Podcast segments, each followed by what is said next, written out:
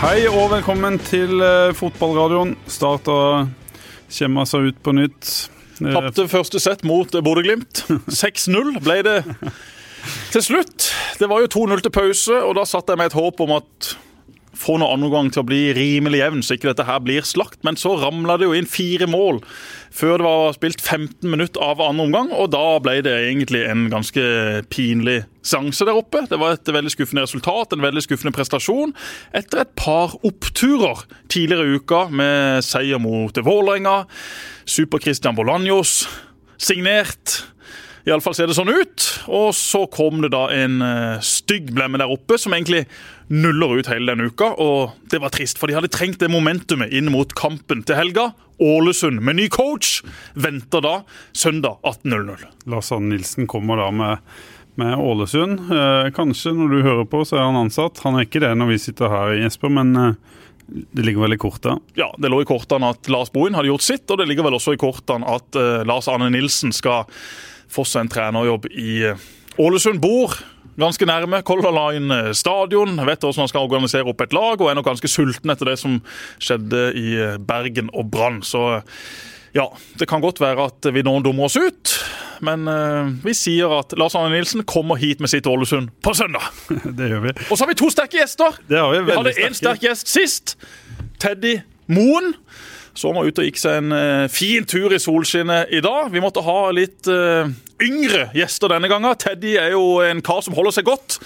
Men nå har vi altså henta inn to meget støtesterke karer, og han ene er i superform. Det skal vi komme tilbake igjen til snart. Men Andreas Ivan Nilsen God dag, god dag. og selveste Kenneth Tiger Woods Maier. Mannen, myten og legenden. Ikke sant? Andreplass i klubbmesterskapet ute på eh, Randesund golfklubb. Ja, gøy for meg. Jeg ringte min far for å fortelle om det her, da, så det er jo, det er jo en grei nok prestasjon. Men eh, som min far sa, vi samla ikke på førsteplasser. Nei, ikke på andreplass, unnskyld. Å ja. Samler dere på førsteplass, heller, gjør vi det? Nei, for det var det jeg poengterte til meg da jeg fortalte den. Du, du samler ikke akkurat på førsteplasser heller, du gjør det. Jeg Men du er jo da eh, greenkeeper ute på Randesund. Ja, så jeg har gjort det lettest mulig for meg sjøl. Du har jo det da, og så sniker du deg inn der i klubbmesterskapet og henter hele Nesten hele trofeet. Ja, Henta en forsmedelig andreplass. Jeg mener jo du hadde vunnet hvis jeg hadde vært caddy denne gangen også. Det er jeg ganske sikker på. Koronaen, så hadde jeg vunnet, ja. Da kunne Andreas båret Ja. Thomas Krafterud vant. Ja. Vi må gratulere. ja, gratulerer. Gratulerer. Grunnen til at eh, de er her, er jo at de er eh, Start-supportere på sin eh, hals. Start-medlemmer begge to. Ja. Ikke nå lenger. Ikke nå lenger. Nei, jeg venter til de er ute. Jeg gidder ikke å gi penger til gig. Nei, du, er, du har valgt å gå ut pga. Start en drøm. Så kan jeg heller melde meg inn igjen hvis det blir noe vi kan stemme over. Nå lurer jeg på om jeg er hang der på veggen, men jeg tror faktisk ikke jeg har betalt eh, medlemskapet sjøl, hvis jeg skal være helt ærlig. Ligger jeg purring inn i vips der. Men det høres jo litt ut, par ganger. ut som en sånn omvendt måte å løse ting på, hvis en vil være med å bestemme noe. Men du føler rett og slett at du, det ligger ikke noe makt i, i statsstyret? Er det Nei. hovedbegrunnelsen? Ikke sånn som det er nå, nei. Jeg kan ikke se noe. Det er vel ingenting viktig vi skal stemme over. Sånn som det ser ut. Så. Den logoen tror kommer de nok sikkert til å drøye en liten stund til. Så. Men det det er verdt 500 kroner, hvis Ja. den kommer opp. Jo, men Handler det bare om eh, logoen, eller handler det om hvordan hele klubben eh, har blitt og blir drevet, sånn som du ser det i dag? Ja, absolutt. Hele, hele smørja, ja. Syns han treffer ganske bra, han Glimt-treneren i avisen i dag. Syns det. Jeg syns det er nitrist. Samtidig så er det jo dritgøy når Bolanjos blir signert, da. Så, skal ikke være, skal ikke, jeg skulle ikke være så negativ i dag. Men, men litt, litt om det først. da. Det ble, ble godt mottatt hos, hos dere at han skal spille for Start igjen.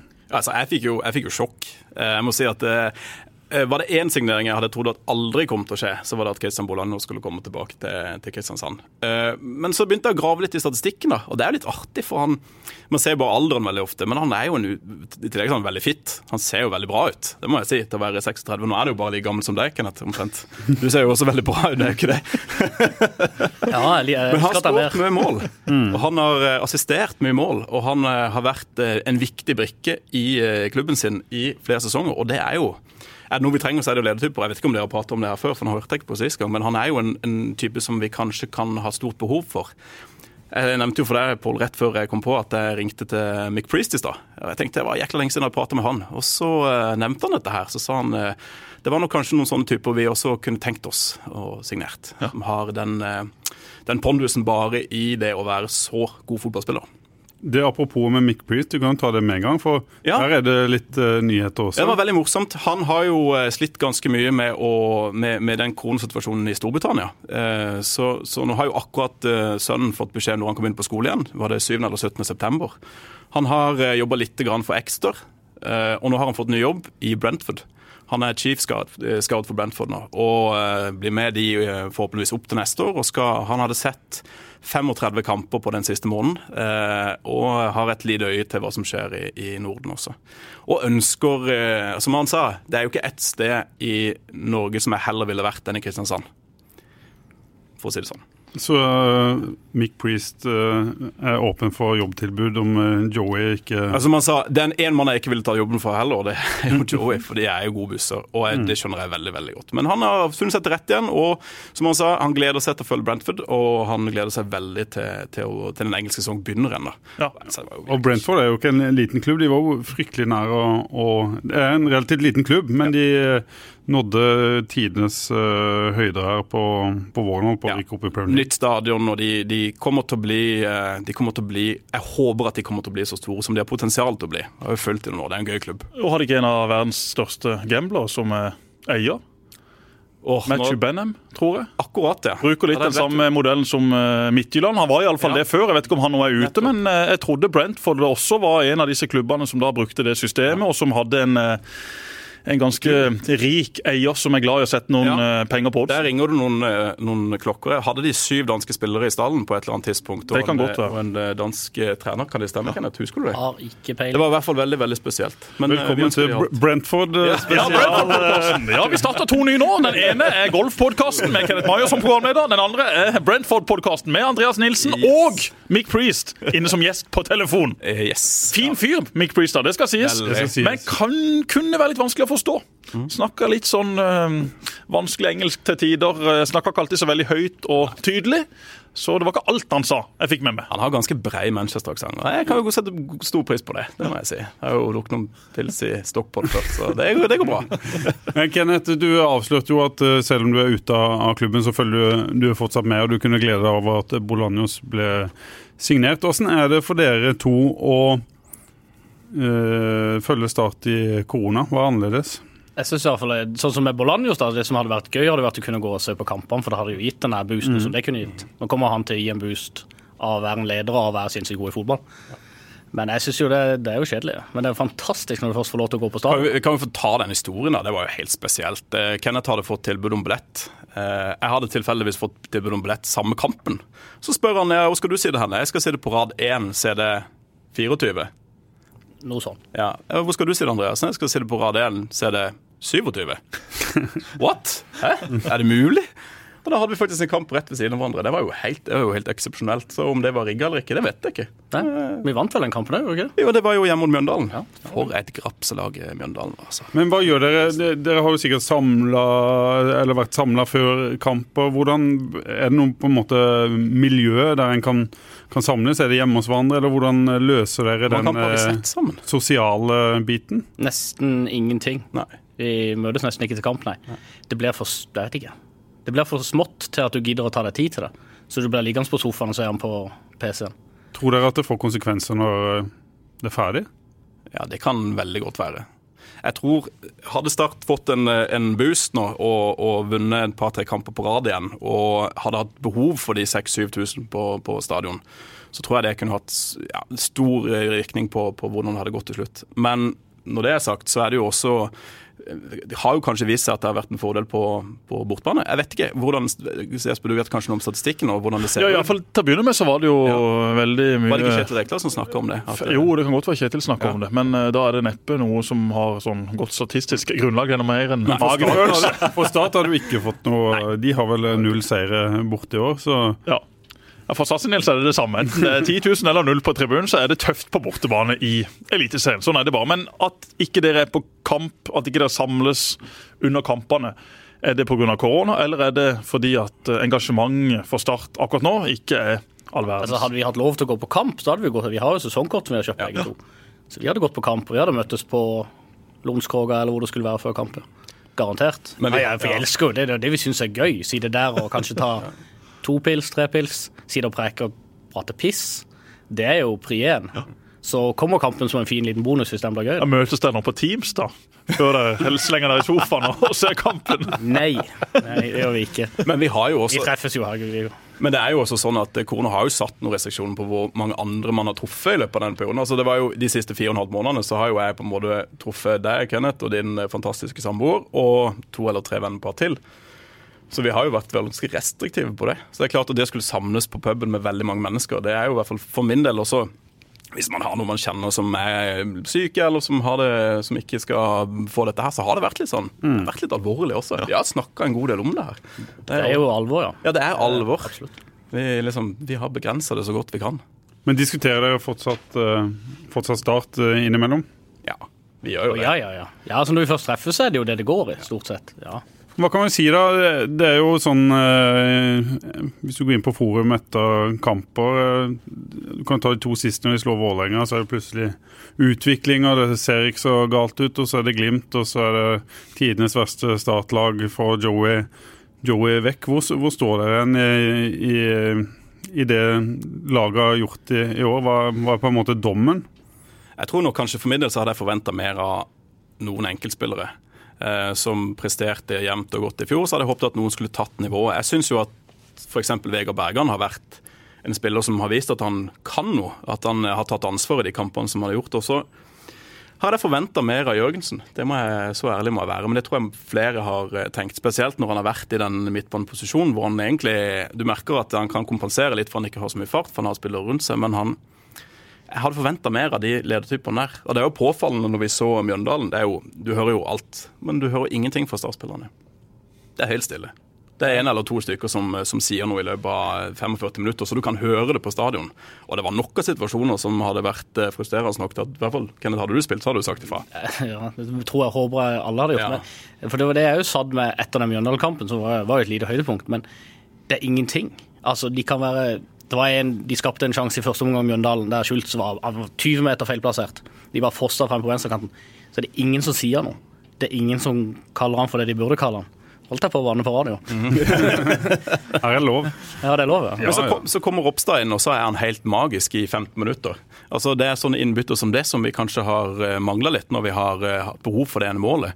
At noen har kommet inn og prega kampene sånn ordentlig og bare gitt altså 100 og Ja, nå holdt jeg altså bånd på det. ja det skal men jeg ikke vi trenger Espen Børrefsen å spille mer. Vi trenger han. Selv om han kanskje ikke er verdens beste fotballspiller lenger. Den der gutsen han har, er noe vi trenger, tror jeg. Men syns dere de har blitt bedre siden eh, i fjor? Ser dere liksom framgang under Joey? Hva tenker dere Altså, om Joey? det er jo litt sånn symptomatisk at eh, vi er veldig gode hjemme mot eh, Molde, men vi taper. Eh, og det er jo sånn start for siste, ja, siden du spilte, Jesper. Det er jo sånn at hvis vi har eh, prestert over evne, så kan vi allikevel finne på å tape. Og jeg vet ikke om det er noe som ligger i ryggmagen, eller om det er noe, som, om noe, om det er noe Joey kan klare å snu sjøl. Hva tenker du om det, Kenneth? Liksom, det er jo noe av det vi har snakka mest om også. Det der å kunne være, å ha en trener som klarer å få inn noe helt nytt. Ja. Jeg elsker jo Joey, det er ikke det. Jeg klarer ikke å se hvordan vi skal jeg tror, ikke det er Joey som er problemet. Jeg tror det er spillerstallen som er for dårlig. Jeg tror ikke det er Joey. Jeg er veldig pro Joey. Jeg ble det etter en liten tur på Åråsen. Altså. Min nye bestevenn. Det er vanskelig å bli noe annet. etter. Ja, Og så spiller han golf, da. Så. Men du vil på en måte ha kontinuitet i samme folka der? Unge spillere opp og, og frem? ja, samtidig som vi må signere Bolanjos. Den type, da. Det er jo den smellen Start en drøm gikk på når vi kom. De kom inn og bare handla vilt og uhemma med unge spillere som ikke var bevist gode. Kunne brukt mye mindre penger på to-tre veldig gode. Eller hva heter det for noe? Voksne. Ja, Godt voksne, rutinerte, staute Ja. karer. Sånn som og- Hekken som vi henta for noen år siden. Mika. Som redda oss. Ja, ja. Så det er ikke så vanskelig, skulle en tro. Nei, og så er det jo, Ser du på Start 2020 kontra 2019, så har jo Start et uh, svakere lag. I mine øyne. Du har ikke Damien Love, som var den desidert beste stopperen Start hadde. Jesper Daland har vært god i år. Vegard Bergan har vært OK, men ble blir jo aldri noe i nærheten av hva Damien Love eh, var. Så der har de et eh, stort savn. Og så har de heller ikke Aron Sigurdasson, som var den kreative kraften framover. Det blir litt for mye nesten med de som er der nå. Kevin Kavran syns egentlig gjør en akseptabel jobb som spiss når han spiller det. Flink til å spille opp de rundt seg, men du mangler jo den der virkelig frekkheten som Sigurdasson hadde.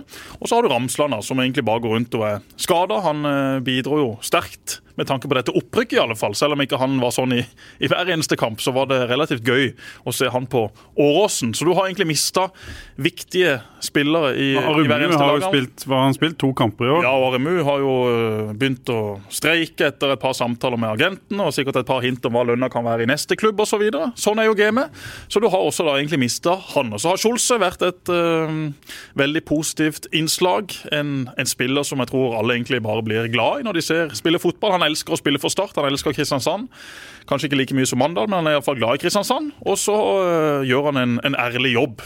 Målskårer er han jo også, og øh, har jo skåra Starts kanskje vakreste mål til nå denne sesongen. Men det er jo interessant det du sier, Jesper, fordi RMU har jo spilt lite og vært skada og litt skada og ikke skada. Men det er jo en sånn bevisst strategi fra start at han skal selges til en profilert europeisk klubb. Og nå kan vi si om det er riktig eller ikke, men, men, men da er det sånn at det, det, det fager jo litt over på oss som ser kampene. at det, ok, Vi vet at det er på lånt tid, og, og det gjør kanskje noe med forholdet til de spillerne du har også. Eh, vi ser jo at eh, Kevin Cabana er jo en veldig god fotballspiller. Han har jo kanskje ikke prestert altså Hvis vi tar og dømmer han i antall mål, så er det jo på en måte ikke helt som det skal være. og han, Jeg blir jo alltid overraska hvor gammel han er. for Jeg tenker alltid at et supertalent, men han er jo nesten like gammel som oss. Nei, det er jo ikke det. Ikke helt ennå. Men det er jo en spiller du ser på som eh, er, er jo- på, på lånt tid? Ja, det er jo egentlig- Mer et prosjekt enn en, eh, Ja. en med start i hjertet? Ja, du kan si det sånn, men, men er jo, vi har jo slutta å ha de der illusjonene om at spillerne i klubben er her fordi at de er her fordi at de er her. Eh, kanskje bortsett fra noen av de lokale gutta. Men se på Tobias Christensen, som eh, fikk et godt tilbud, og som, eh, som dro. Eh, Og Sånn er det jo klubber drives i dag, og sånn drives Start også. Og jeg syns jo det er fryktelig synd, men sånn har det jo vært i, ja, i mange, mange, mange Men problemet til Start er vel at de får ikke det, det, den sirkelen der til å, å, fungere. Nå stikker jo RMU med et halvt år igjen av kontrakten. Ja, Han skulle hatt lengre kontrakt, og så skulle de hatt eh, 20 millioner for han. Han skulle slått Ja, gjennom i også, tippel- ikke sant? tippeligaen. Det er jo det som er, er problemet. Nå bruker de mye mer penger på han enn de får igjen. Så det- Ja, og, og, og så henger jo alt dette her sammen. Hadde Start hatt et bedre lag, så hadde Start kjempa høyere på tabellen. Da hadde RMU vært en lederstjerne i det laget. Da hadde han fått eh, enda flere øyne retta mot seg. Når du er en sånn type spiller på et uh, båndlag, så er det begrensa hvilke klubber som kommer og plukker det. For de er litt usikre på, på hva slags nivå er egentlig dette. Et eksempel er Sigurd Haugen, som ble henta ned til en belgisk eh, klubb som satsa veldig tøft og hardt. De trodde han var veldig rask, for han så veldig rask ut i Obos-ligaen. Så kom han ned til Belgia. Som Sigurd og sånn. Ja, og så ble de skuffa. Ja, men han var jo ikke rask. Nei, vi må bare bli kvitt han. Og så var det ingenting. Og det er jo det også jeg tror er vanskelig for klubber som kommer og skal se på en spiller som Aremu. På hvilket nivå har han faktisk vært god? I hvilket lag? Sparebanken Arena gjør jo at klubber som kommer der tenker wow, her er det fett. Her er det mange gode spillere. Her kan vi betale gode penger. Og så er det jo ikke alltid det som leveres på det grønne kunstgresset, er på like høyt nivå. de blir lurt av Sparebanken Sør Arena. Jo, men helt seriøst, jeg tror jo det at klubber som har store, flotte stadioner, nydelige mål med sånne nett som henger bak Og i svart og gult og sånn også, ikke sant? Gjerne det. gjerne det, Og gjerne med litt sånn regn på nettet, så når du skyter ballen i mål, så bom! så spruter det overalt. Vakkert, Maja. Nesten like vakkert som en god drive ute på Randesund golfklubb. Men jeg tror de klubbene faktisk kan få bedre betalt, så lenge da det sportslige produktet er bra, enn at du kommer og ser på en spiller oppe i steinrøys, hvor da ikke alt rundt er så veldig fett. Start har nå iallfall alt det på plass. Det er da noe. Men hvis jeg slipper eh, to av elevene mine tidlig på, på, fra skolen, da sier det er greit, dere kan gå. Eh, så står de eh, tolv andre igjen sånn, men hvorfor fikk ikke de lov til å gå? Og Da kommer neste skole og sier ja, men i dag skal vi gå tidlig. Hvis man begynner å slippe opp på den måten der, sånn som Start har gjort litt konsekvent og ukonsekvent, det er jo hvorfor skal ikke Aremu få lov til å terminere kontrakt- kontrakten sin når Lowe fikk lov, og når han fikk lov, og når han fikk lov, og nei, vi bare sier at nå er det nok, ikke sant? Kanskje vi savner litt den der eh, følelsen av at nei, vet du hva, her er det vi som er arbeidsgiver, sånn du må forholde deg til dette, og du må møte på trening mandag klokka ti. Ferdig med det. Jeg har i hvert fall hatt den følelsen i noen år nå at det har vært litt sånn Vi slipper litt opp Nei, det er greit. Ok, men du er en stor stjerne. Du er, men du, ok, vi, Da sparer vi lønnskostnadene på deg, og så terminerer vi kontrakten din, så kan du få lov til å dra. Den der eh, litt sånn jernhånda der. Ja, jeg vet ikke om det er det som trengs, men det virker i hvert fall veldig rart. For det er fryktelig andre klubber, få andre klubber som jeg kjenner til som driver på den måten der. Jeg vet ikke. eh, ja.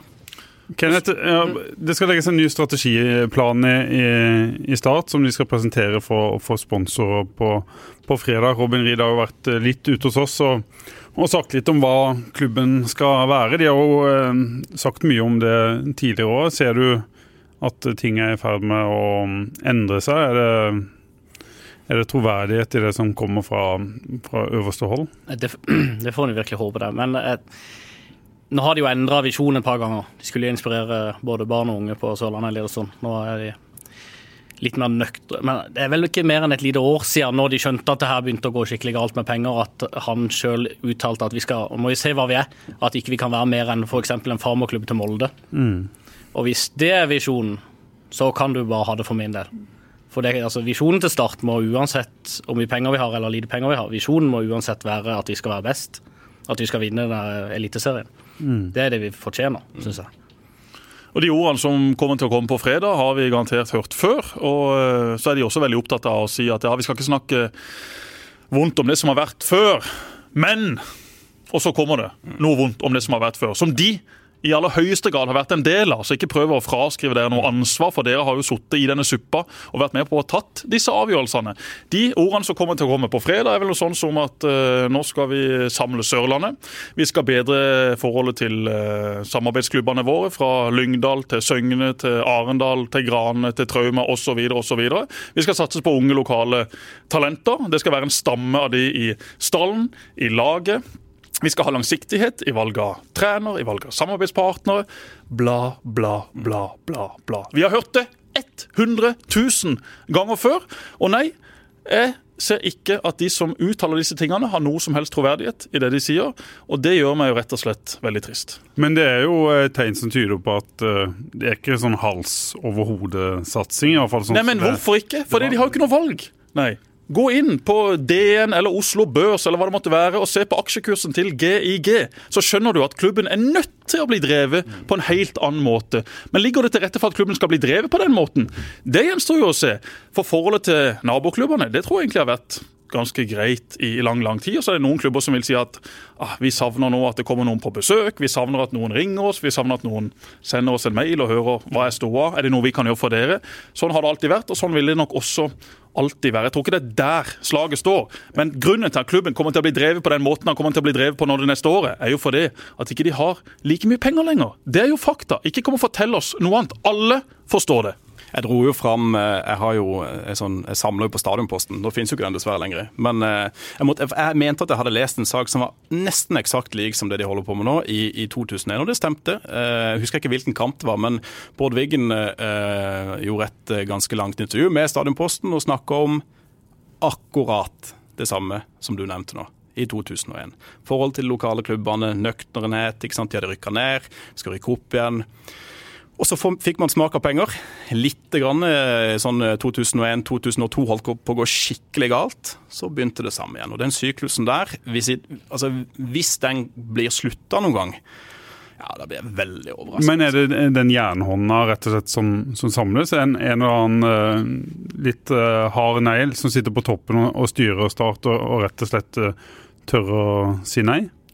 Er det, er det, det klubben savner? Altså, Klubben har jo hatt en, noen slags sånne jernhender før, men hvem, hvem, er det? Ja, det, for det, det, er så vanskelig å definere, for veldig ofte har det vært de eldre medlemmene mm. som, har, som, har, begynt å snakke negativt i korridorene, og som, som har smitta over på de yngre medlemmene. Så har det blitt en sånn slags sånn konsensus at dette her ikke virker. konsensus, Så må man på en måte gjøre det på nytt igjen. Og så havner man i det samme sporet, sånn som, som Jesper sier. Og, og jeg savner jo en strategi, og det har jeg gjort i mange år, og det er at fokuset skal være først og fremst på Kristiansand. Og så skal Sørlandet være eh, nedslagsfeltet. Eh, og dette har vi jo til og med sittet og prata med. Vi har jo hatt noen møter eh, både av og på, eh, uoffisielt og offisielt med klubben. For jeg, har tenkt at dette her for meg, det, det er jo helt naturlig at Molde fotballklubb har Molde by som sitt nedslagsfelt, og så hele Møre og Romsdal. Men der er det jo Molde FK som, som styrer hvordan klubben eh, driftes, mens Kenneth Ja. mener jo at det er de med, med penger som sitter og, og bestemmer at kanskje det er et eh, problem. Ja, Det er jo ganske opplagt òg, er det ikke det? Men den store tabben de gjorde når de kom inn Start en drøm, er jo ikke først og fremst at de brukte mye penger. Den store tabben er at det var de som bestemte hvordan den skulle brukes. At ikke de hadde proffe folk der. Det er jo der hele skoen trykker. og Først kan Langeland sitte der, og nå sitter Rida på toppen og skal styre det. Eh, at de handla han Adeleke, det var ikke en Tor Christian Karlsen-avgjørelse. At dem Dempsey måtte gå, det var ikke en Tor Christian Karlsen. Det var pengeavgjørelse, begge deler. Ikke bestemt av proffe folk i det hele tatt. Det kunne gjerne vært bestemt av meg. Ja, Når det brenner under beina på deg, så må du på en måte vise folk at du kan styre allikevel. Og da tror jeg man gjør ganske mange Man tar ganske mange irrasjonelle avgjørelser. Istedenfor å stå i det og tenke at eh, ja, altså det er jo påfallende når det kommer mennesker som har vært dypt involvert i klubben og sier til meg, og begynner å fortelle til meg om hvordan ting egentlig har blitt avgjort. Fordi at det skal søren døtte meg ikke komme ut av den klubben der. Og i hvert fall ikke til meg. Fordi at det, det er ikke det at jeg forteller det til alle andre, men, men hvorfor i himmels navn skal jeg vite dette? Interne avgjørelser som blir tatt i klubben, det må, det må forbli i klubben. Og Når det lekker som en sil på den måten, så er det ikke enkelt å forvente at ikke det kommer tilbake igjen til spillerne heller. Og da har du en spillergruppe som kan bli delt, og som kan synes det er kjipt, og man kan påvirke valg av trener via spillerne. Og det vet jo sikkert du også alt om Jesper, ikke sant, fra før av, hvordan, hvordan det er i en fotballklubb. Men det er jo bare å se på hvordan de har spilt fotball sjøl. Hvis jeg prater dårlig om treneren, så er det jo stor grunn til at jeg tenker at andre gjør det også. Og dette syns ikke jeg er greit. Men hva ville dere på en måte hatt eh, noen eh, eiere med penger som sa til noen som kan dette, vær så god, forvalt, forvalt dette? Eller er det rimelig å forvente at de med pengene er med å bestemme? Jeg syns hele greia er veldig vanskelig. Jeg syns ikke det der å spytte inn penger i fotballklubb er riktig, uansett hvor du er hen, i England, i Frankrike eller i Kristiansand. Men vi er jo i en situasjon der vi kanskje kunne trengt en liten ti millioner i året. Men de, de bør ikke få lov til det. De har ikke lov til å kjøpe seg makt i klubben. Det, altså, det er skrevet ned at dette har ikke de lov til å bestemme i det hele tatt. Og så gjør de det, og det er helt opplagt. Og det, det provoserer i hvert fall meg noe helt f- for jævlig. Ja, vi, vi har sittet og diskutert dette her med financial, financial fair play eh, eh, innad blant de kompisene som vi er. Og vi sitter jo og ser på et reglement som vi er veldig usikre på om vi om Start har eh, fulgt, for det første. Når vi ser at nedover i divisjonssystemet i England, så kan vi være på tredje nivå. Det er klubber som får smekk på fingeren. Når vi ser vi at eh, Sheffield Wednesday fikk jo nesten ordentlig smekk da han eieren kjøpte stadion for var det 70 millioner pund. Og alle som har vært på Hillsborough vet at den stadionet er ikke verdt 70 millioner pund. Jeg har ikke pussa opp siden eh, EM i 96. Så, så det er jo triksing og miksing med tall. Jeg håper jo ikke at dette her skjer i vår fotballklubb. Det hadde vært fullstendig krise. Men Men er ikke, på, er ikke like mye poeng at medlemmene ikke eh, reiser seg opp og, og sier at dette blir vi ikke med på? Ting må jo godkjennes i IK-styret. Ja, men folk blir jo Altså, penger kjøper det. Altså, du så jo hvordan folk reagerte når dette ble slått gjennom. Jeg var på ferie, jeg skulle gjerne møte opp og stemt nei. og Men jeg avbryter ja. ikke ferien for å gjøre det. Men medlemsmassen til Start er såpass homogen at eh, for å skulle klare å få gjennom noe som er kontroversielt, så er du nødt til å, å eh, Ja, hva, hva skulle vi gjort da? Det vet ikke, egentlig. Ja, å stoppe det der pengetoget som kom, det hadde du ikke hatt sjanse til. Nei, og Du har jo ikke noe valg heller. og jeg er jo, som du sier, Kenneth, at uh, Vi kan jo si hva vi vil om at ikke det er så sjarmerende, at ikke det er riktig, men, men uh, fakta er jo at hvis ikke de pengene hadde kommet inn på det tidspunktet, så hadde jo Start sannsynligvis gått konkurs. og Kanskje hadde det vært til det beste, så Start virkelig kunne Men det er, jo- det er jo det samme som du sier, det er jo det samme visa. Hver gang det kommer en eller annen fyr med noe penger, så er det sånn Hadde vi ikke fått de, så hadde vi gått konk. Det er jo antageligvis bare tull. Og ofte går fotballklubber konk i Norge. Det hadde jo ordna seg på et eller annet vis. Kanskje vi bare hadde beholdt Steinar Pedersen. Men det hadde vært noen nye penger. Da. det, det, det, det, det, det snakk sto ikke om det var Steinar Pedersen eller ikke Steinar Pedersen. Nei, Der var nei, det nei, et ganske poeng- stort gap som måtte dekkes inn. Og Jeg kjenner ingen i denne byen, og jeg tror jeg kjenner de aller, aller fleste som kunne vært potensielle startinvestorer, som hadde gått inn på det tidspunktet. Ja, men poenget her er jo at det, det, dette skjedde Vi mangla ti millioner, var det det de sa? I juni. I mars så sa Start at vi, vi styrer mot Vi hadde positive tall i fjor. Så det er jo bullshit hele veien, da. Om det var ti millioner reelle som vi måtte cashe ut, det tviler jeg veldig sterkt på. Jeg tror vi hadde hvis det, Nei, jeg skal hjem og jeg må ikke. Jeg må prøve å holde roen. Jeg blir- ja, nei, nei, nei. Det er bare, hadde, hadde, vi, hadde vi bare klart å holde oss flytende da, og blitt stående på Steinar, klart å røkke opp med han, og bare bygd sånn som jeg mener de bør gjøre med Joey nå, så hadde vi kanskje blitt en sånn middelhavsfarer rett under det i tippeligaen, eh, Eliteserien, uten at det hadde vært noe sånn stor ståhei. Det som har skjedd nå, er jo bare at vi har fått en jækla haug med utgifter som ikke vi trenger. Og vi taper 40 millioner i år, er det det? Vi står mye dårligere nå enn når vi mangler det du sier er 10 millioner, da. Og så har vi fått et problem til. Vi har jo fått et, eh, et slags omdømmeproblem. Det er ikke bare den, eh, den tanken om at Start nå har blitt et heislag, opp og ned, som vi kan, vi kan Jeg kan leve med det. det er, sånn har det vært siden nesten omtrent siden jeg begynte å følge Start. Vi har ikke noe valg, har vi det? Eh, nei, vi har jo ikke det. Men Vi hadde et omdømmeproblem før eierne kom inn, men det har kanskje ikke blitt eh, bedre? Nei, og, og så er det jo noen som begynner å pirke borti det etiske aspektet. ikke sant? Og så skal man prøve å forsvare dette her, og så tenker man ja, ja, jeg kan forsvare det for meg sjøl, men jeg vet ikke om jeg kan svare det på jeg kan jeg egentlig forsvare det for meg sjøl? Det, det, det er det som er spørsmålet. Og nå har dette bredd seg til, til ganske mange klubber i, i, i Norge. Og jeg leste bl.a. en liten sak her nå Start eh, veldig fortjent slo Vålerenga. Så har folk begynt å pirke litt borti det i Vålerenga og si sånn det er jo på en måte en kjøpeklubb, og nå er det liksom og Da er det jo veldig lett å glemme hvordan Molde har blitt drevet, og hvordan Vålerenga har blitt drevet før. ikke sant? Og hvordan Stabæk holdt på å gå på en skikkelig smell, og Lyn. ikke sant? Dette er jo klubber som faktisk har gått konkurs også. Eh, Men nå står vi plutselig og så er vi der sjøl. Hvordan skal vi forholde oss til det? Det, er, det deler eh, medlemsmassen og, og supporterne til Start. Jeg vet ikke om det deler i to, men det er ikke så langt ifra. De som bare tar på seg tigerpyjamasen tigerpysjamasen og, og maler seg i fjeset og stiller seg opp ikke sant? og, og, og, og syns det er helt topp. Og så er det de som begynner å stille spørsmål til dette. Altså, hva er dette? Vil vi at det skal være sånn? Har vi kjøpt oss? Eh, Hvordan skal dette her liksom foregå i fremtida? Foreløpig er det jo snakk om at det skal pågå i ganske lang tid. De har jo bundet seg opp til ti år, sånn som vi har forstått det. Og det er ganske lenge. Start over i ti- tiårsperspektiv, da, da er vi jo, er jo fire opprykk og, og fire nedrykk, på en måte. Altså Det er mange spillere inn og ut. Da har de definert Starts historie ganske kraftig.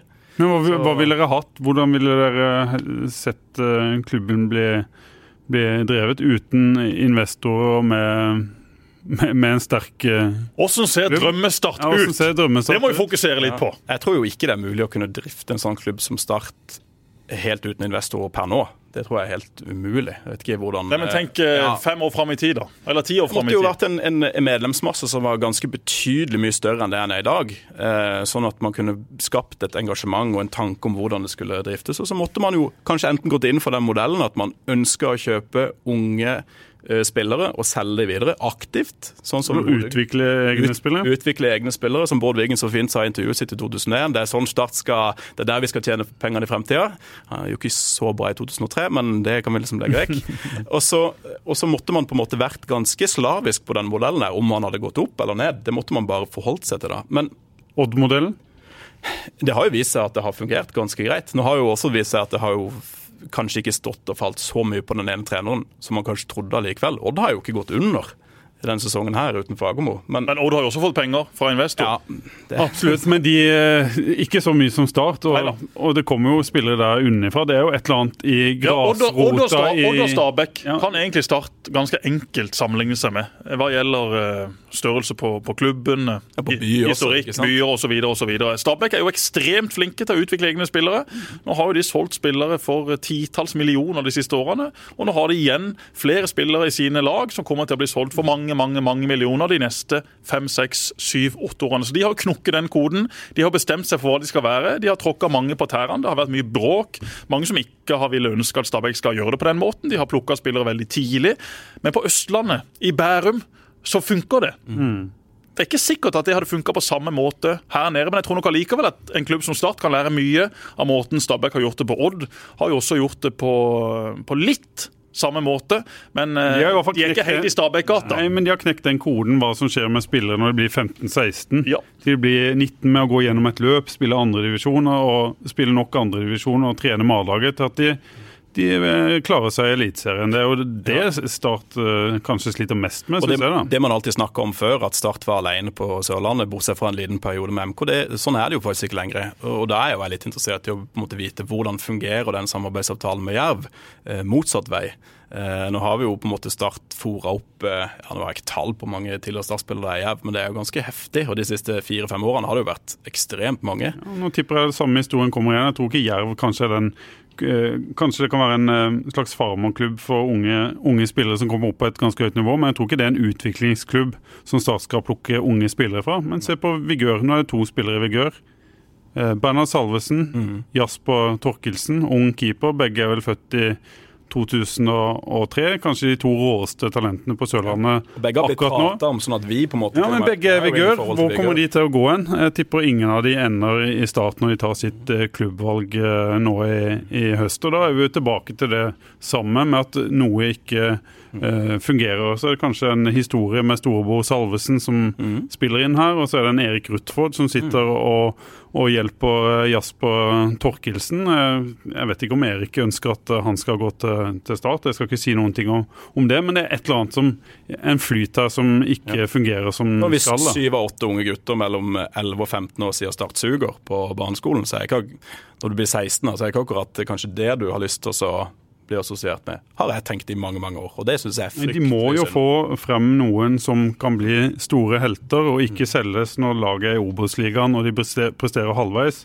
Nå skal jeg ikke ta noen ting fra eh, Tobias Christensen, han skal ikke selges på tidspunktet han selges på. Eh, Rasmussen skal ikke selges på tidspunktet han selges på. Det er greit at Ayer selges og går til, til Celtic, for det er et enestående, en enestående greie, men de selger jo spillere på feil tidspunkt. Og de har ikke hatt penger til å si nei. Det er jo ja, det som er de, liksom si. nei, det er greit, problemet. det er ferdig start. Ja, Samme med Damien Love. Samme med Aremu. Eh, mange har Asante Jo, jo, men mange, og mange har, eh, har retta mye kritikk mot eh, Tor Christian. Og, og mye av det er jo også eh, med rette med tanke på en del av de signeringene som ble gjort. Men du kan også se på at han traff jo faktisk ganske bra på et par av disse. Lov, Aremu, ble altfor mange, da. Sigurd Larsson. Ja, ja, helt enig. Men det burde, jo, mitt poeng er det burde jo vært mulig å fått langt mer penger for disse spillerne når de hadde reist. Altså Damien Love, fått hans hode litt inn på riktig kanal, så hadde han vært en stabilt god eliteseriestopper som du kunne solgt til en klubb rundt forbi i Europa for 10-12 millioner kroner, hvis han da hadde vært litt mer stabil. Jeg vet ikke om det var mulig å fikse huet hans, det så jo kanskje ikke sånn ut. Men eh, det er jo i alle fall det man håper på når man henter en sånn spiller. Hvem har dere troa på nå, Kenneth? Er det noe du ser der som, som eh, får deg til å rykke litt? av spillere i start. Nei, jeg liker jo Daland sånn som alle andre. Eh, ellers er det ikke noe spennende, syns jeg. Schulze er jo i den alderen som han skal være best, på en måte. Så han er jo ikke sånn Jeg syns jo Tønnesen er han har jeg likt egentlig fra jeg så han første gang og spilte for Jerv. Jeg synes han, er, han har mye bra med seg. Jeg vet ikke om han har mista litt fart eller om han har skada, men, men han har en ganske presis fot. og han har liksom, Jeg har liksom sett for meg at han kan bekle den, den posisjonen i Start i mange år fremover. Kan ikke heller se for meg at han er den første som ville gått til Molde hvis det hadde kommet tilbud. Jeg vet ikke hvorfor, men jeg har liksom litt en god, en god følelse.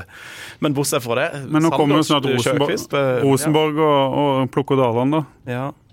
Ugland syns jeg har vært frisk og god når han har kommet inn. Viser at han kan ting. Han har eh, gode Han har jo vokst, faktisk, altså sånn fysisk også. Har litt mer muskler og han har et godt skuddbein. Men han kan jeg fort se for meg at hvis han hadde blitt eh, god nok, så kunne han eh, sikkert eh, tatt turen til Dere vil bare ha gode gutter som, eh, som ja, Nei, uansett. men det er liksom ikke det heller. Jeg tror vi har blitt veldig delt på det der. Og siste, Ramsland fordi- eh, Maier, du har ikke glemt han, selv om han er skada Det har, det har jeg ikke, men det, det sa jeg vel i det der TV 2-greiene vi var på òg. Altså, han er jo ikke en vanvittig god spiss og målskårer. Det er jo, han er jo, nå er han jo bare en legende fordi han er en legende. Det er jo ikke noe tvil om det. Og det tror jeg kan stå greit for. Litt sånn Leo. Men altså, for fantastisk Ja, ja, det er jo det, bare en ekstremvariant, da. Jeg mener jo han er mye bedre enn det, da, og at det er fryktelig synd at han er, skada. Jeg syns mye av det han gjorde på høsten i fjor var så, så bra, og jeg syns han har bevist ting på det nivået før. Og tenkte kanskje han har tatt et steg, og så kommer disse skadene. Det kan godt hende han ikke hadde hadde vært en veldig viktig bidragsyter, men eh, Start har helt klart savna en spiss som, som skårer mål. Det har kommet ett spissmål i, i år. Ja, og Det er jo det som er så skummelt med årets startutgave. Ser du på Ålesund, så har de vært eh, fryktelig bakover. Men de har nå i alle fall to spisser eller to angripere i Fridjonsson og Castro som er på et veldig høyt nivå. Så Hvis de bare får snurpa igjen sekken bak, så kommer Ålesund til å plukke bra med poeng. Spørsmålet med Start er jo hvem skal produsere disse målene. Olanjos. Bollanjos, ja. Kjempeenkelt. Gjør det på egen hånd. Det, det, det gjenstår jo å se da, hva slags du forfatning, må hva slags forfatning han er i. Hvis Og hvor mange kamper kan spille. Hvis ikke, eh, hvis ikke Adeleke kommer seg på beina og viser noe i nærheten av det han gjorde før han ble skada, eller Ramsland eh, blir frisk, så er jo Start avhengig av å hente en eh, ny spiss. For Skålevik eh, funker jo ikke som eneste spiss. Vi så jo mye det betydde for han å skåre mot, eh, mot eh, Mjøndalen hjemme. Men og han er jo Jeg har jo bare et sånt bilde av han da han var god i start for og nå begynner det å bli tre, tre år siden. Men han er jo ikke den samme spilleren i dag. Det må jo ha skjedd et eller annet. Han må jo, den, den tilliten som han har fått og ikke fått og ikke brukt riktig, det må jo ha Men da spilte han Start med to spisser. Han løp rundt, var inne i boksen, Ja. de kom til masse innlegg. Ballen datt ned inn i boksen. Mm. Nå spiller de med ryggen mot mål og trenger en stor, sterk spiss som, som holder på ballen. Det skjønte jo alle før sesongen, og særlig når de skal spille med med én spiss, så at, eh, at de henta han er for meg uforståelig. Jeg sa det den dagen de, de henta han, og jeg syns det bare blir merkeligere og merkeligere når, de, når du ser at Erik Botheim f.eks. går til eh, Stabæk eh, på lån. Tenk hvis Start hadde vært, vært der. Det, Men så stillestående innlegg i boks, det, er liksom ikke, det har jo ikke vært Start sitt trademark noen gang, for å si det sånn. Og det, jeg syns ikke det er spesielt fint å se på, det er veldig lite effektivt. Det at Vikne står helt stille på, på 25 meter og sender en banan inn i boksen, da må du ha en Ottosson på topp der som kan krige, eller en Orst, en, en som eller deg, Jesper. Du kunne stått der og, og Men stanga. Ottosson, det hadde vært noe. Det er jo Rune Hægeland sin store favoritt. ja, men han hadde, han hadde stanga inn noen, han. Ja, ja, klassespiller. Han var litt variabel, men en periode der så var han eh, solid. Vi skåra meget på. Lerkendal et eh, år. Når de Ja, vant, den 2-1-kampen der. Ja. Eh, eh, Det er var jo en av de gøyeste fotballkampene jeg har hørt på radio noen gang. Men er det noen flere eh, du vil ha tilbake, Kenneth, som du drømmer om liksom, at det kommer en overraskelse til? jeg har hørt noen rykter eller lest på Feven. Gudene vet. Rasmussen på vei tilbake, var det noen som sa til meg. Han har jo vært litt ute i uh, kullene i Danmark der, men at han skal tilbake igjen til start, det har jeg veldig liten Den tikka inn på min telefon i går i hvert fall. Men, eh, Men- også er det vel ikke noe de trenger akkurat eh, nå. En som kanskje kan spille til venstre eller som, som indreløper. De trenger vel en defensiv eh, midtbanemann. Ja, det, det trenger de. Samtidig så Ja, så må de jo finne en som, som skårer disse målene. da. Bolanius, eh, ja, vi får krysse fingrene for at uh, vår gamle helt kan, kan levere nok en gang. Men det ser litt skjørt ut framover, og det ser litt skjørt ut på den defensive midtbaneplassen. Og så syns jeg fortsatt at det ser skjørt ut på midtstopperplass. Jesper Daland har vært uh, kanskje Starts beste spiller. Og så har han en, en makker som ikke er all verdens. Og så er det jo en plass som Der er jeg jo litt uenig med deg. da. Jeg, jeg vil forsvare Vegard Bergan sin litt. Jeg syns han faktisk har, har vært en, en eh, Om han ikke har vært en forsterkning for Damien Lowe, så syns jeg han har eh, Han er ikke i nærheten av Damien Lowe. Nei, men han, har noe, han er jo, har jo noe i spillet sitt med duellkraft og god til å blokkere, blokkere skudd og sånne ting. Og så ser jo alle at han har utfordringer når det går fort eh, rundt ham. Men det Og at involvert i en god del baklengsmål. Ja. Men det er jo en posisjon som vi ikke har snakka noen ting om, og som har vist seg å ha vært en av de aller mest sårbare for Start i år. Og det er keeperplassen. Og Doimland ikke spiller, så Og nå skal jeg si noe som er Det er kanskje litt stygt å, å gå på, på hva skal vi si, kropp på folk, men vi har, har vi Norges laveste andrekeeper? eller førstekeeper. Ja, eller førstekeeper, det er vi litt usikker på. I- Han ble jo valgt til å være førstekeeper før Ja. sesongen, og det tror jeg kosta Start en del poeng. Jeg vet ikke helt hva Start eh, tenkte på da, om de skulle prøve å presse Dormeland ut av klubben. Han spilte jo i Viking i fjor og, gjorde Ja. det helt OK. Så sånn Ja. sett på Ja, helt OK. ja, og, Men det har vel aldri vært noe tvil om at Jonas Dormeland er en bedre keeper. Selv om han har stått med 39 i feber, så er jo Jonas Dormeland en, en god keeper på eliteserienivå. Han har rota litt i feltet i det siste, det har stort sett gått veldig greit. Men som keeper, og Men det den ikke tryggheten så- han sprer, ja, er jo noe helt annerledes. Jeg er helt enig, men det er veldig mye lettere å se nå enn det var i, i februar-mars, da Doimland var halvskada, trente dårlig de, og de eh, tinga der. Og så gikk jo det galt, så da kan en jo si at det var, var feil. Men det, med tanke på eh, Ja, men det er ikke sånn at Vi sier Det nå. Vi har jo sagt det før. Vi sa det jo da han ble valgt til å stå den første kampen også. Ja. Dette er et rart keepervalg. Ja. Hva er det som skjer? Jo, Start kom tilbake og sa han er syk, han er ikke klar for kamp. Jonas Dormiland, ikke helt enig i det. Så det har nok start, tror du økonom- startpoeng. Tror du økonomi var, et, uh, var en grunn til valget? At de så for seg at, uh, at Dormland har godt betalt, Vikne er god nok til at, uh, at han kan bli ny førstekeeper, derfor setter vi han i mål? Selv om, Ja. selv om Dormland er bedre? Ja, det tror jeg. Det tror jeg fort at det var et avgjørende argument for å velge Amund Vikne. Og Amund Vikne har jo kjempegod skussmål fra, fra, Viking. En ekstremt treningsvillig keeper. Eh, god på strek, Nei, god med beina osv. Men han fikk en veldig skeiv start mm. i start som førstekeeper. Og det har sett ut til at han har slitt veldig mentalt med dette etterpå. Nesten blitt litt for overivrig. Skal ut og reparere den feilen han gjorde sist kamp, og så går det galt igjen. Jeg husker da, da Benjamin Bojar skulle komme inn og så stå de siste minuttene mot Stabæk her for et par år siden, og han sto et par kamper. og det, det, er litt sånn symptomatisk, det også. altså Én dårlig avgjørelse, og keeper for meg er, som har stått i mål. og Jeg syns det er kjempeviktig, jeg synes det er kjempegøy, men det virker som det er et slags selvtillitsproblem kombinert med noen sånne fysiske utfordringer. fordi når han skal opp i feltet og plukke, var det, eh, var det Molde ballen gikk over i bue og, og, rett i mål? Nei, nå er det ja. ja. Det er jo en sånn Det er enkelt å plukke vekk. Hva ville du gjort? Ja, jeg vil jo jeg vil skylde på alle andre, selvfølgelig. For jeg er høy når, de, når, de, valgte Vikne her i begynnelsen av sesongen, da, så hva sa jo de fleste, bortsett fra kanskje de som tenker nøye gjennom det, at OK, det er kult, det. Hvis mm. han lykkes, så er det jo helt fantastisk. Mm. Og kanskje er det bare uflaks at ikke han gjorde det. At har du én dårlig kamp, så sitter det bare i. Hadde han stått en helt fantastisk kamp, så hadde vi kanskje hatt en OK keeper som var lokal og ung.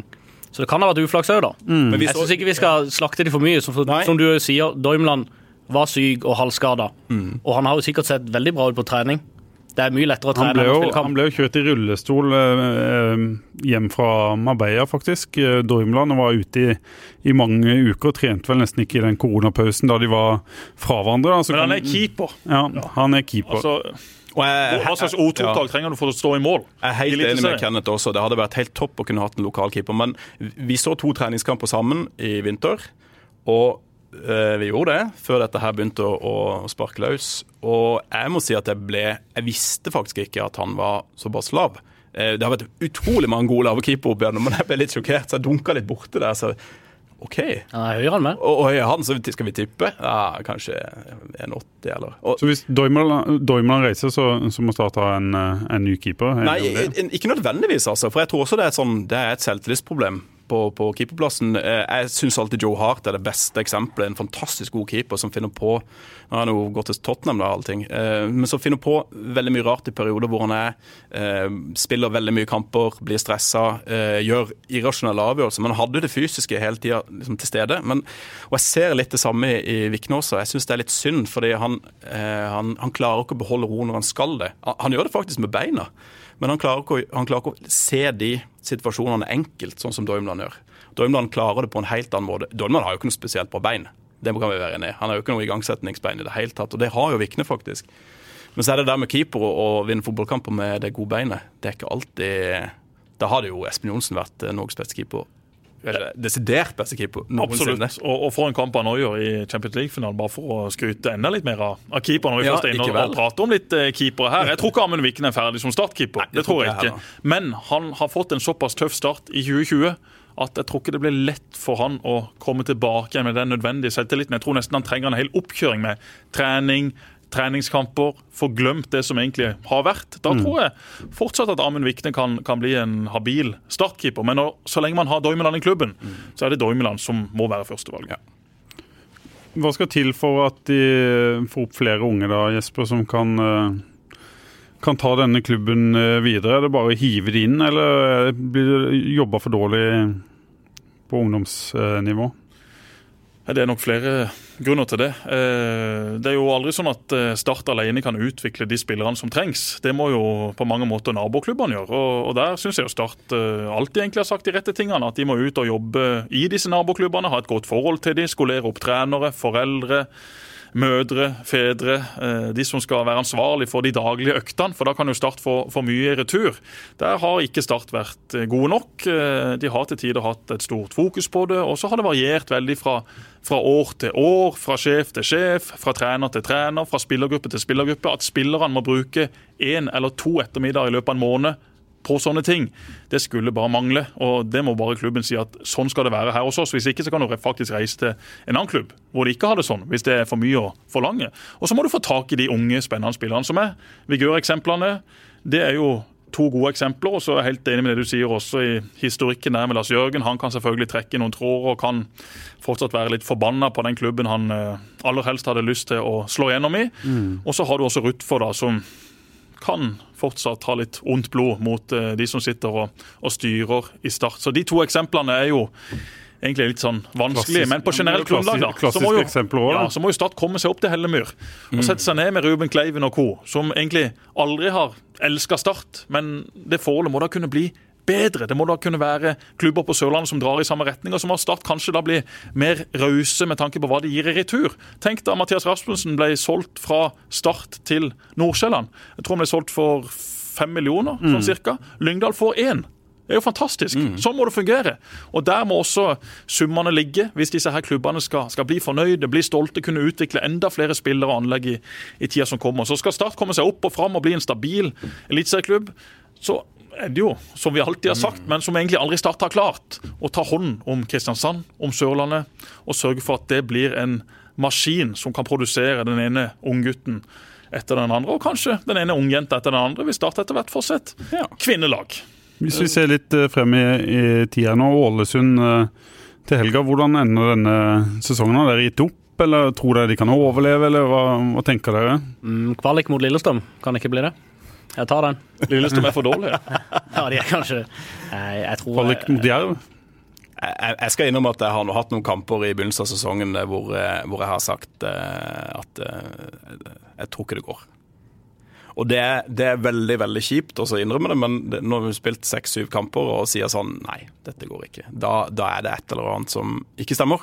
Men så har de faktisk vist at de har lyst til å spille fotball innimellom. Og, og jeg syns Det var vel var det Lars Martin Gimse som skrev at eh, eh, Som en ganske kritisk stemme på, på, på Twitter om Start, men han sier også at eh, Og jeg er ganske enig at eh, selv i de laveste bunnene startet i år, så har han sett at det har vært noe progresjon. Det er noe ønske om å spille fotball på en måte som man kanskje vil. Det er noe organisering som ser OK ut. Så jeg er litt enig i det. Jeg har liksom ikke helt gitt opp. Nå har vi ganske mange viktige kamper, og flere hjemme eh, enn vi har hatt på lang tid.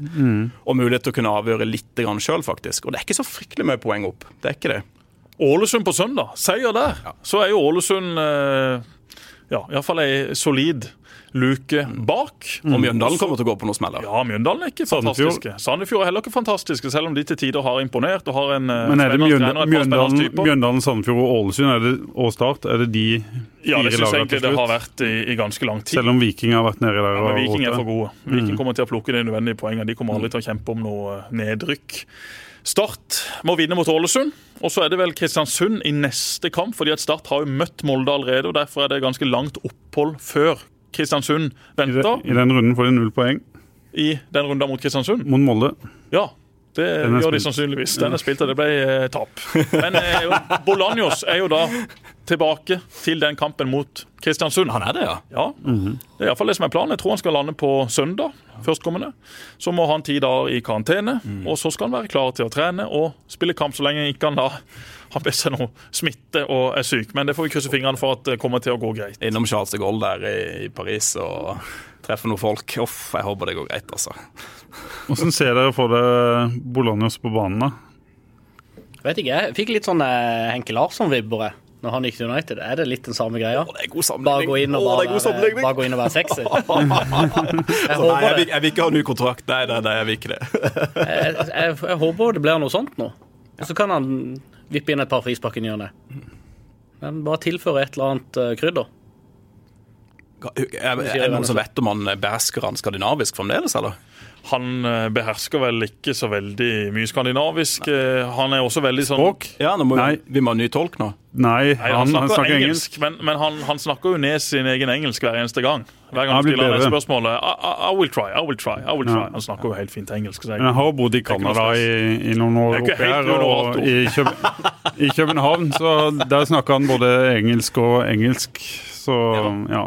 Det var tider med Bruno. Forsto ikke ett kvekk. Nei. Bare satt i hjørnet og lo og spiste smågodt. Og Og mest kosta han tolken de hadde med seg. Nei, Oddbjørn eh, han koster vel ikke all verdens, i alle fall ikke sammenligna med Bruno og Ygor. Men Oddbjørn han skulle vel ha en vanlig lønn, tenker jeg. Han gikk jo rundt der og ordna opp og fiksa for disse to brasilianerne. En, en meget hyggelig fyr. Eh, Kommer vel fra Søgne, har funnet seg brasiliansk kjæreste. Blitt god i tennis. Se på det, ja. ja da. Så Oddbjørn, eh, Odji, som vi kalte han, han er det bare å ringe hvis han skal til Rio. Det blir kanskje ikke med det første. Jeg har ikke planlagt noe tuteri over 2020 Nei, nei, eh, 2020. Kanskje 21. Jeg vet ikke. Copacabana, Har de noen finne golfbaner i. Brasil? De, har jo utsatt OL, så jeg går ut ifra det. Eh, Viktor Hovland, den, den store helten nå i Golf-Norge. Eh, nei, jeg kan ikke ha en helt som er yngre enn meg. Eh, Vi, vi snakka litt om det, vi må ta det før vi går av, av lufta. Eh, Dine golfbravader, var vi innom det tidlig i Ja, vi var sendinga? innom, men Det kan jo være såpass lenge siden at noen har glemt. Han ble jo i Randesunds klubbmesterskap Meget sterkt, altså. i helga. si. det er fantastisk. Det er et eventyr. Hvilken, hvilken bane i Kristiansand har best gress? Randesund eller Bjåvann? Eh, de beste grinene er uten tvil i, i Randesund. Ja. Ja, det er de. Hva er hemmeligheten? Mye, mye sand i de, eller? Er mye sand, som vi sa sist. da. Fy, Du husker det? Ja, jeg husker det. Men så er Bjørvann en eh, bedre designa golfbane, Ja. som kanskje er gøyere å spille. Ja. Det er jeg ikke til tvil om heller. Det er to veldig forskjellige ting, da. Det er en, en moderne, flott designa bane og, og litt sjarm ut i Randesund. da. Jeg debuterte jo holdt jeg på å si på Bjørvann. Jeg vet ikke om det går an. Men her i, i begynnelsen av koronatida det var, var seint. Det var seint. Nei, det er fantastisk fint der ute. Altså. Det er jo det. Selv om jeg er medlem i, i Randesund. Altså. Det er jo alltid en, alltid en drøm å komme ut og få spise litt eh, lunsj og spise, drikke litt kaffe med Kenneth. Er det noen i startmiljøet som kan spille golf, eh, Kent? Du var innom at, eh, at Joey Nå har jeg, ikke sett, jeg har ikke sett Joey siden han ble trener for Start. Jeg har ikke det. Men Joey er god til alt. han hadde vel en hole in one i fjor, tror jeg. Hadde du Joey? Ja. Far til Mathias Williamson hadde vel hatt uh... Men han har aldri spilt i Start. Nei, men uh, spilte Mathias? Og vet du hvilket golfsett Mathias Williamson sin far spilte med? Det var mitt, som jeg kjøpte av William Aligo i sin tid. For William Aligo jobba på G-sport. Og da fikk jeg kjøpt et uh, golfsett der som egentlig kosta 6000 for 3000. Vi tok grønt kort ute på Bjåvann. Har ikke spilt så mye golf siden. Den ene gangen jeg var på driving rangen der ute, så heiv jeg inn sånn en pollett på den maskinen hvor du skulle få baller fra. Hadde glemt å sette bøtta under, så de ballene de lå utover hele parkeringsplassen. Følte meg passe dum der jeg sto. Men William Aligo han hadde i sin tid gode priser på golfsett. Geir Ludvig Fevang, også en veldig ivrig golfer. Vi gikk da og golfa på Randesund, som oftest, selvfølgelig. Det er ganske sånn smal bane på Randesund, så du må være presis med, med driveren. Er ikke det riktig å si? Bare vær lur og ikke drive, ja. Bare Ja, ja, men vi må jo drive. Kort Vi og må rett. drive. Kort Han og. Joey, sånne folk som kan eh, alt, stemmer ikke det? Jo, og Geir Ludvig da, ikke sant? ekstremt opptatt av sånn golfetikette. Husker jeg bomma en gang, slang kølla inn i skauen, og, og skaftet gikk en vei og køllehodet en annen vei. Og Geir Ludvig skjelte meg ut. Fikk en telefon litt seinere. Tok den og begynte å prate altfor høyt. Geir Ludvig skjelte meg ut igjen. Så han hadde etiketten på plass. Det er jo som eh, sangen sier, altså faren til Fevang er Sinedine Zidane. Ja. Ja, så det er jo noe der han, han har et sånn kort temperament, og så, så stopper det. Ja. Jeg hørte Dere spilte jo sånn uh, deluxe skijump. Ja, ja, ja. Til og med der var han helt, uh, helt i en egen klasse. Det var tida. Vi satt ned på La Manga, hadde med oss en sånn en prosjektor. Lyste opp den ja, hvite, litt falma, gule veggen, og så var det deluxe skijump-konkurranse. Rune Nilsen, Rune Rekkevidde, han var primus motor for dette. Syns det var dødsgøy. Jon Midtun Lie var med. Geir Ludvig Fevang var med. Balagaba sto bare og lo. Ja, så så det, var, det, var, det var stor stemning nede på La Manga. Jeg savner, jeg savner de kveldene der. Ja, det skjønner jeg veldig. Masse fine folk. Yes, Skal vi si at det var, var nok for i, i dag? Så må vi, nå var vi ganske kjapt tilbake, Jesper. Nå Ja, kan ikke folk nesten litt for kjapt. Folk klarer ikke å henge med. Nei. Men Start kommer til å holde seg, gutter. ikke sant? Seier mot Ålesund, så lever håpet. Jeg håper det, altså. Jeg håper det. Ja, Og når Maier Ja, altså, vi lever jo i troa, vi er jo ikke teite, men det vi, vi, altså, det er bare ni-ti dager siden vi satt hjemme hos meg og diskuterte hvem vi har lyst til å møte i Europa. ja. Så, Ikke sant? så tror jeg det. Ja, Hvem hadde jeg lyst til å møte? Jeg vet ikke, jeg tror de fleste falt ned på Aalborg, som er Ja, en skandale. Eh, jeg vil gjerne til et var Portugal eller noe hadde vært fint, synes jeg. Jeg vil til de britiske øyer, altså. Jeg må si det. Du vil det? Jeg må si det. Nei, jeg har, Har du, har du vært mest Start i. Europa, Jesper? Nei, eh, bare til La Manga. Nei, men, du var, men, var du ikke med i 2006? Eh, nei, altså det var jo denne her kampen på Færøyene, var det ikke det? Så var det i Irland, var det ikke det òg? flyturen. Nei, jeg var jo skada, selvfølgelig. Ja, Satt hjemme og, og, og så kampen på nett. Samme mot Ajax. Husker den kampen der? For da ble Start sitt lag drilla. Jeg satt på tribunen. Eh, og, og dette er jo sannsynligvis foreldre, så derfor kan jeg fortelle det. Jeg har sikkert fortalt det før også, Men da så jeg hva slags lag Start drilla, og det var jo et veldig begrensa lag. Eh, Så da måtte jeg inn på betfair.com og plassere noen pund på Ajax med handikap. For eh, dette kunne ikke gå, og det endte vel med ganske klart tap også. Magnus Mikkelsen spilte jo kant. Og den, den kampen ble spilt på. Åråsen. Ja, og Start holdt jo ganske godt med der fram til pause, eller? Ja, men da var det, det var en av kampene som endte med ganske klart Ja, men det var bortekampen. Fem-to Da var sti- bortekampen. det var bortekampen vi stilte Fem- med 2-5 endte vel den kampen på Åråsen, Åråsen. Ja. Det var faktisk en ganske gøyal kamp. Nå tar du opp boka di. Ja, Åssen har det gått med boksalget? Du, Det har gått ganske bra. Jeg har jo nesten fått solgt uh, halvparten av de bøkene som Men vi har flere igjen på lager, ikke sant? Ja, vi har, Uh, Send melding til Andreas Ivar Nilsen, så får du Jeg har kjøpt gått bok. med bøker, men jeg tenkte kanskje jeg bare se på det kapitlet. gul og fin, Ja. Ja, Det er ikke sikkert jeg finner det nå. Eh, Det er så synd å ikke kunne huske sin egen bok her. Men jeg har jo blant annet skrevet om det Start i Europa. Det er jo et eget kapittel. Så nå, nå Men det var et sterkt Ajax-lag Ja, ja, det var et nydelig Ajax-lag. Fantastisk eh, elver. Vi må nesten finne elveren, da. Må vi ikke det? Ja, jeg husker det var en, det var en, det Wesley Snyder lukta parfyme, er det ikke var det det? ikke en på tribunen som ropte 'hua jo til Jappstam'? det, Det syns jeg Det kan være. være. Ja, her, ja, vet du. Ikke sant. 2006. Start mot Ajax. Og, og, eh, og det er jo faktisk eh, en, en, en veldig morsom kamp. Nå tar eh, 5-2 til Ajax hjemme, mm. og 4-0-tap. eh, Og her har vi Ajax i lagoppstilling Ja. i Amsterdam. Gantenar i mål. Vet ikke helt hvem det er. Stam. Japp. Fermalen. Vi kan nevne Huntelar. Peres. Rosenberg. Grygera. Babel kom innpå. Dunka inn i kasse. Eh, Krondeli. Fertongen satt på benken. Så har vi da Start sitt lag. Det var Rune Nilsen. Kjetil Rudfor Pedersen, Steinar Pedersen, Fredrik Strømstad, Geir Ludvig Fevang, Balla Ahmed Garba, Bård Borgersen, David Hansen, Tord Jønsson, Magnus Mikkelsen og Sebastian. Jeg må jo si at altså, Da Start spilte hjemme da, så hadde de Stekenburg i mål, Stam, Fermalen, Klasian Huntler, Wesley Snyder, Rosenberg på topp og en Babel på benken på Åsen. Så det var jo ganske, ganske OK Ajax-lag, kan vi si. Vi kan si det. Vi får drømme om uh, de tidene der eh, igjen. Start Ajax. Det hadde, Det hadde vært det hadde svingt. det hadde vært med. Så- Takk for at jeg kunne komme. Veldig hyggelig.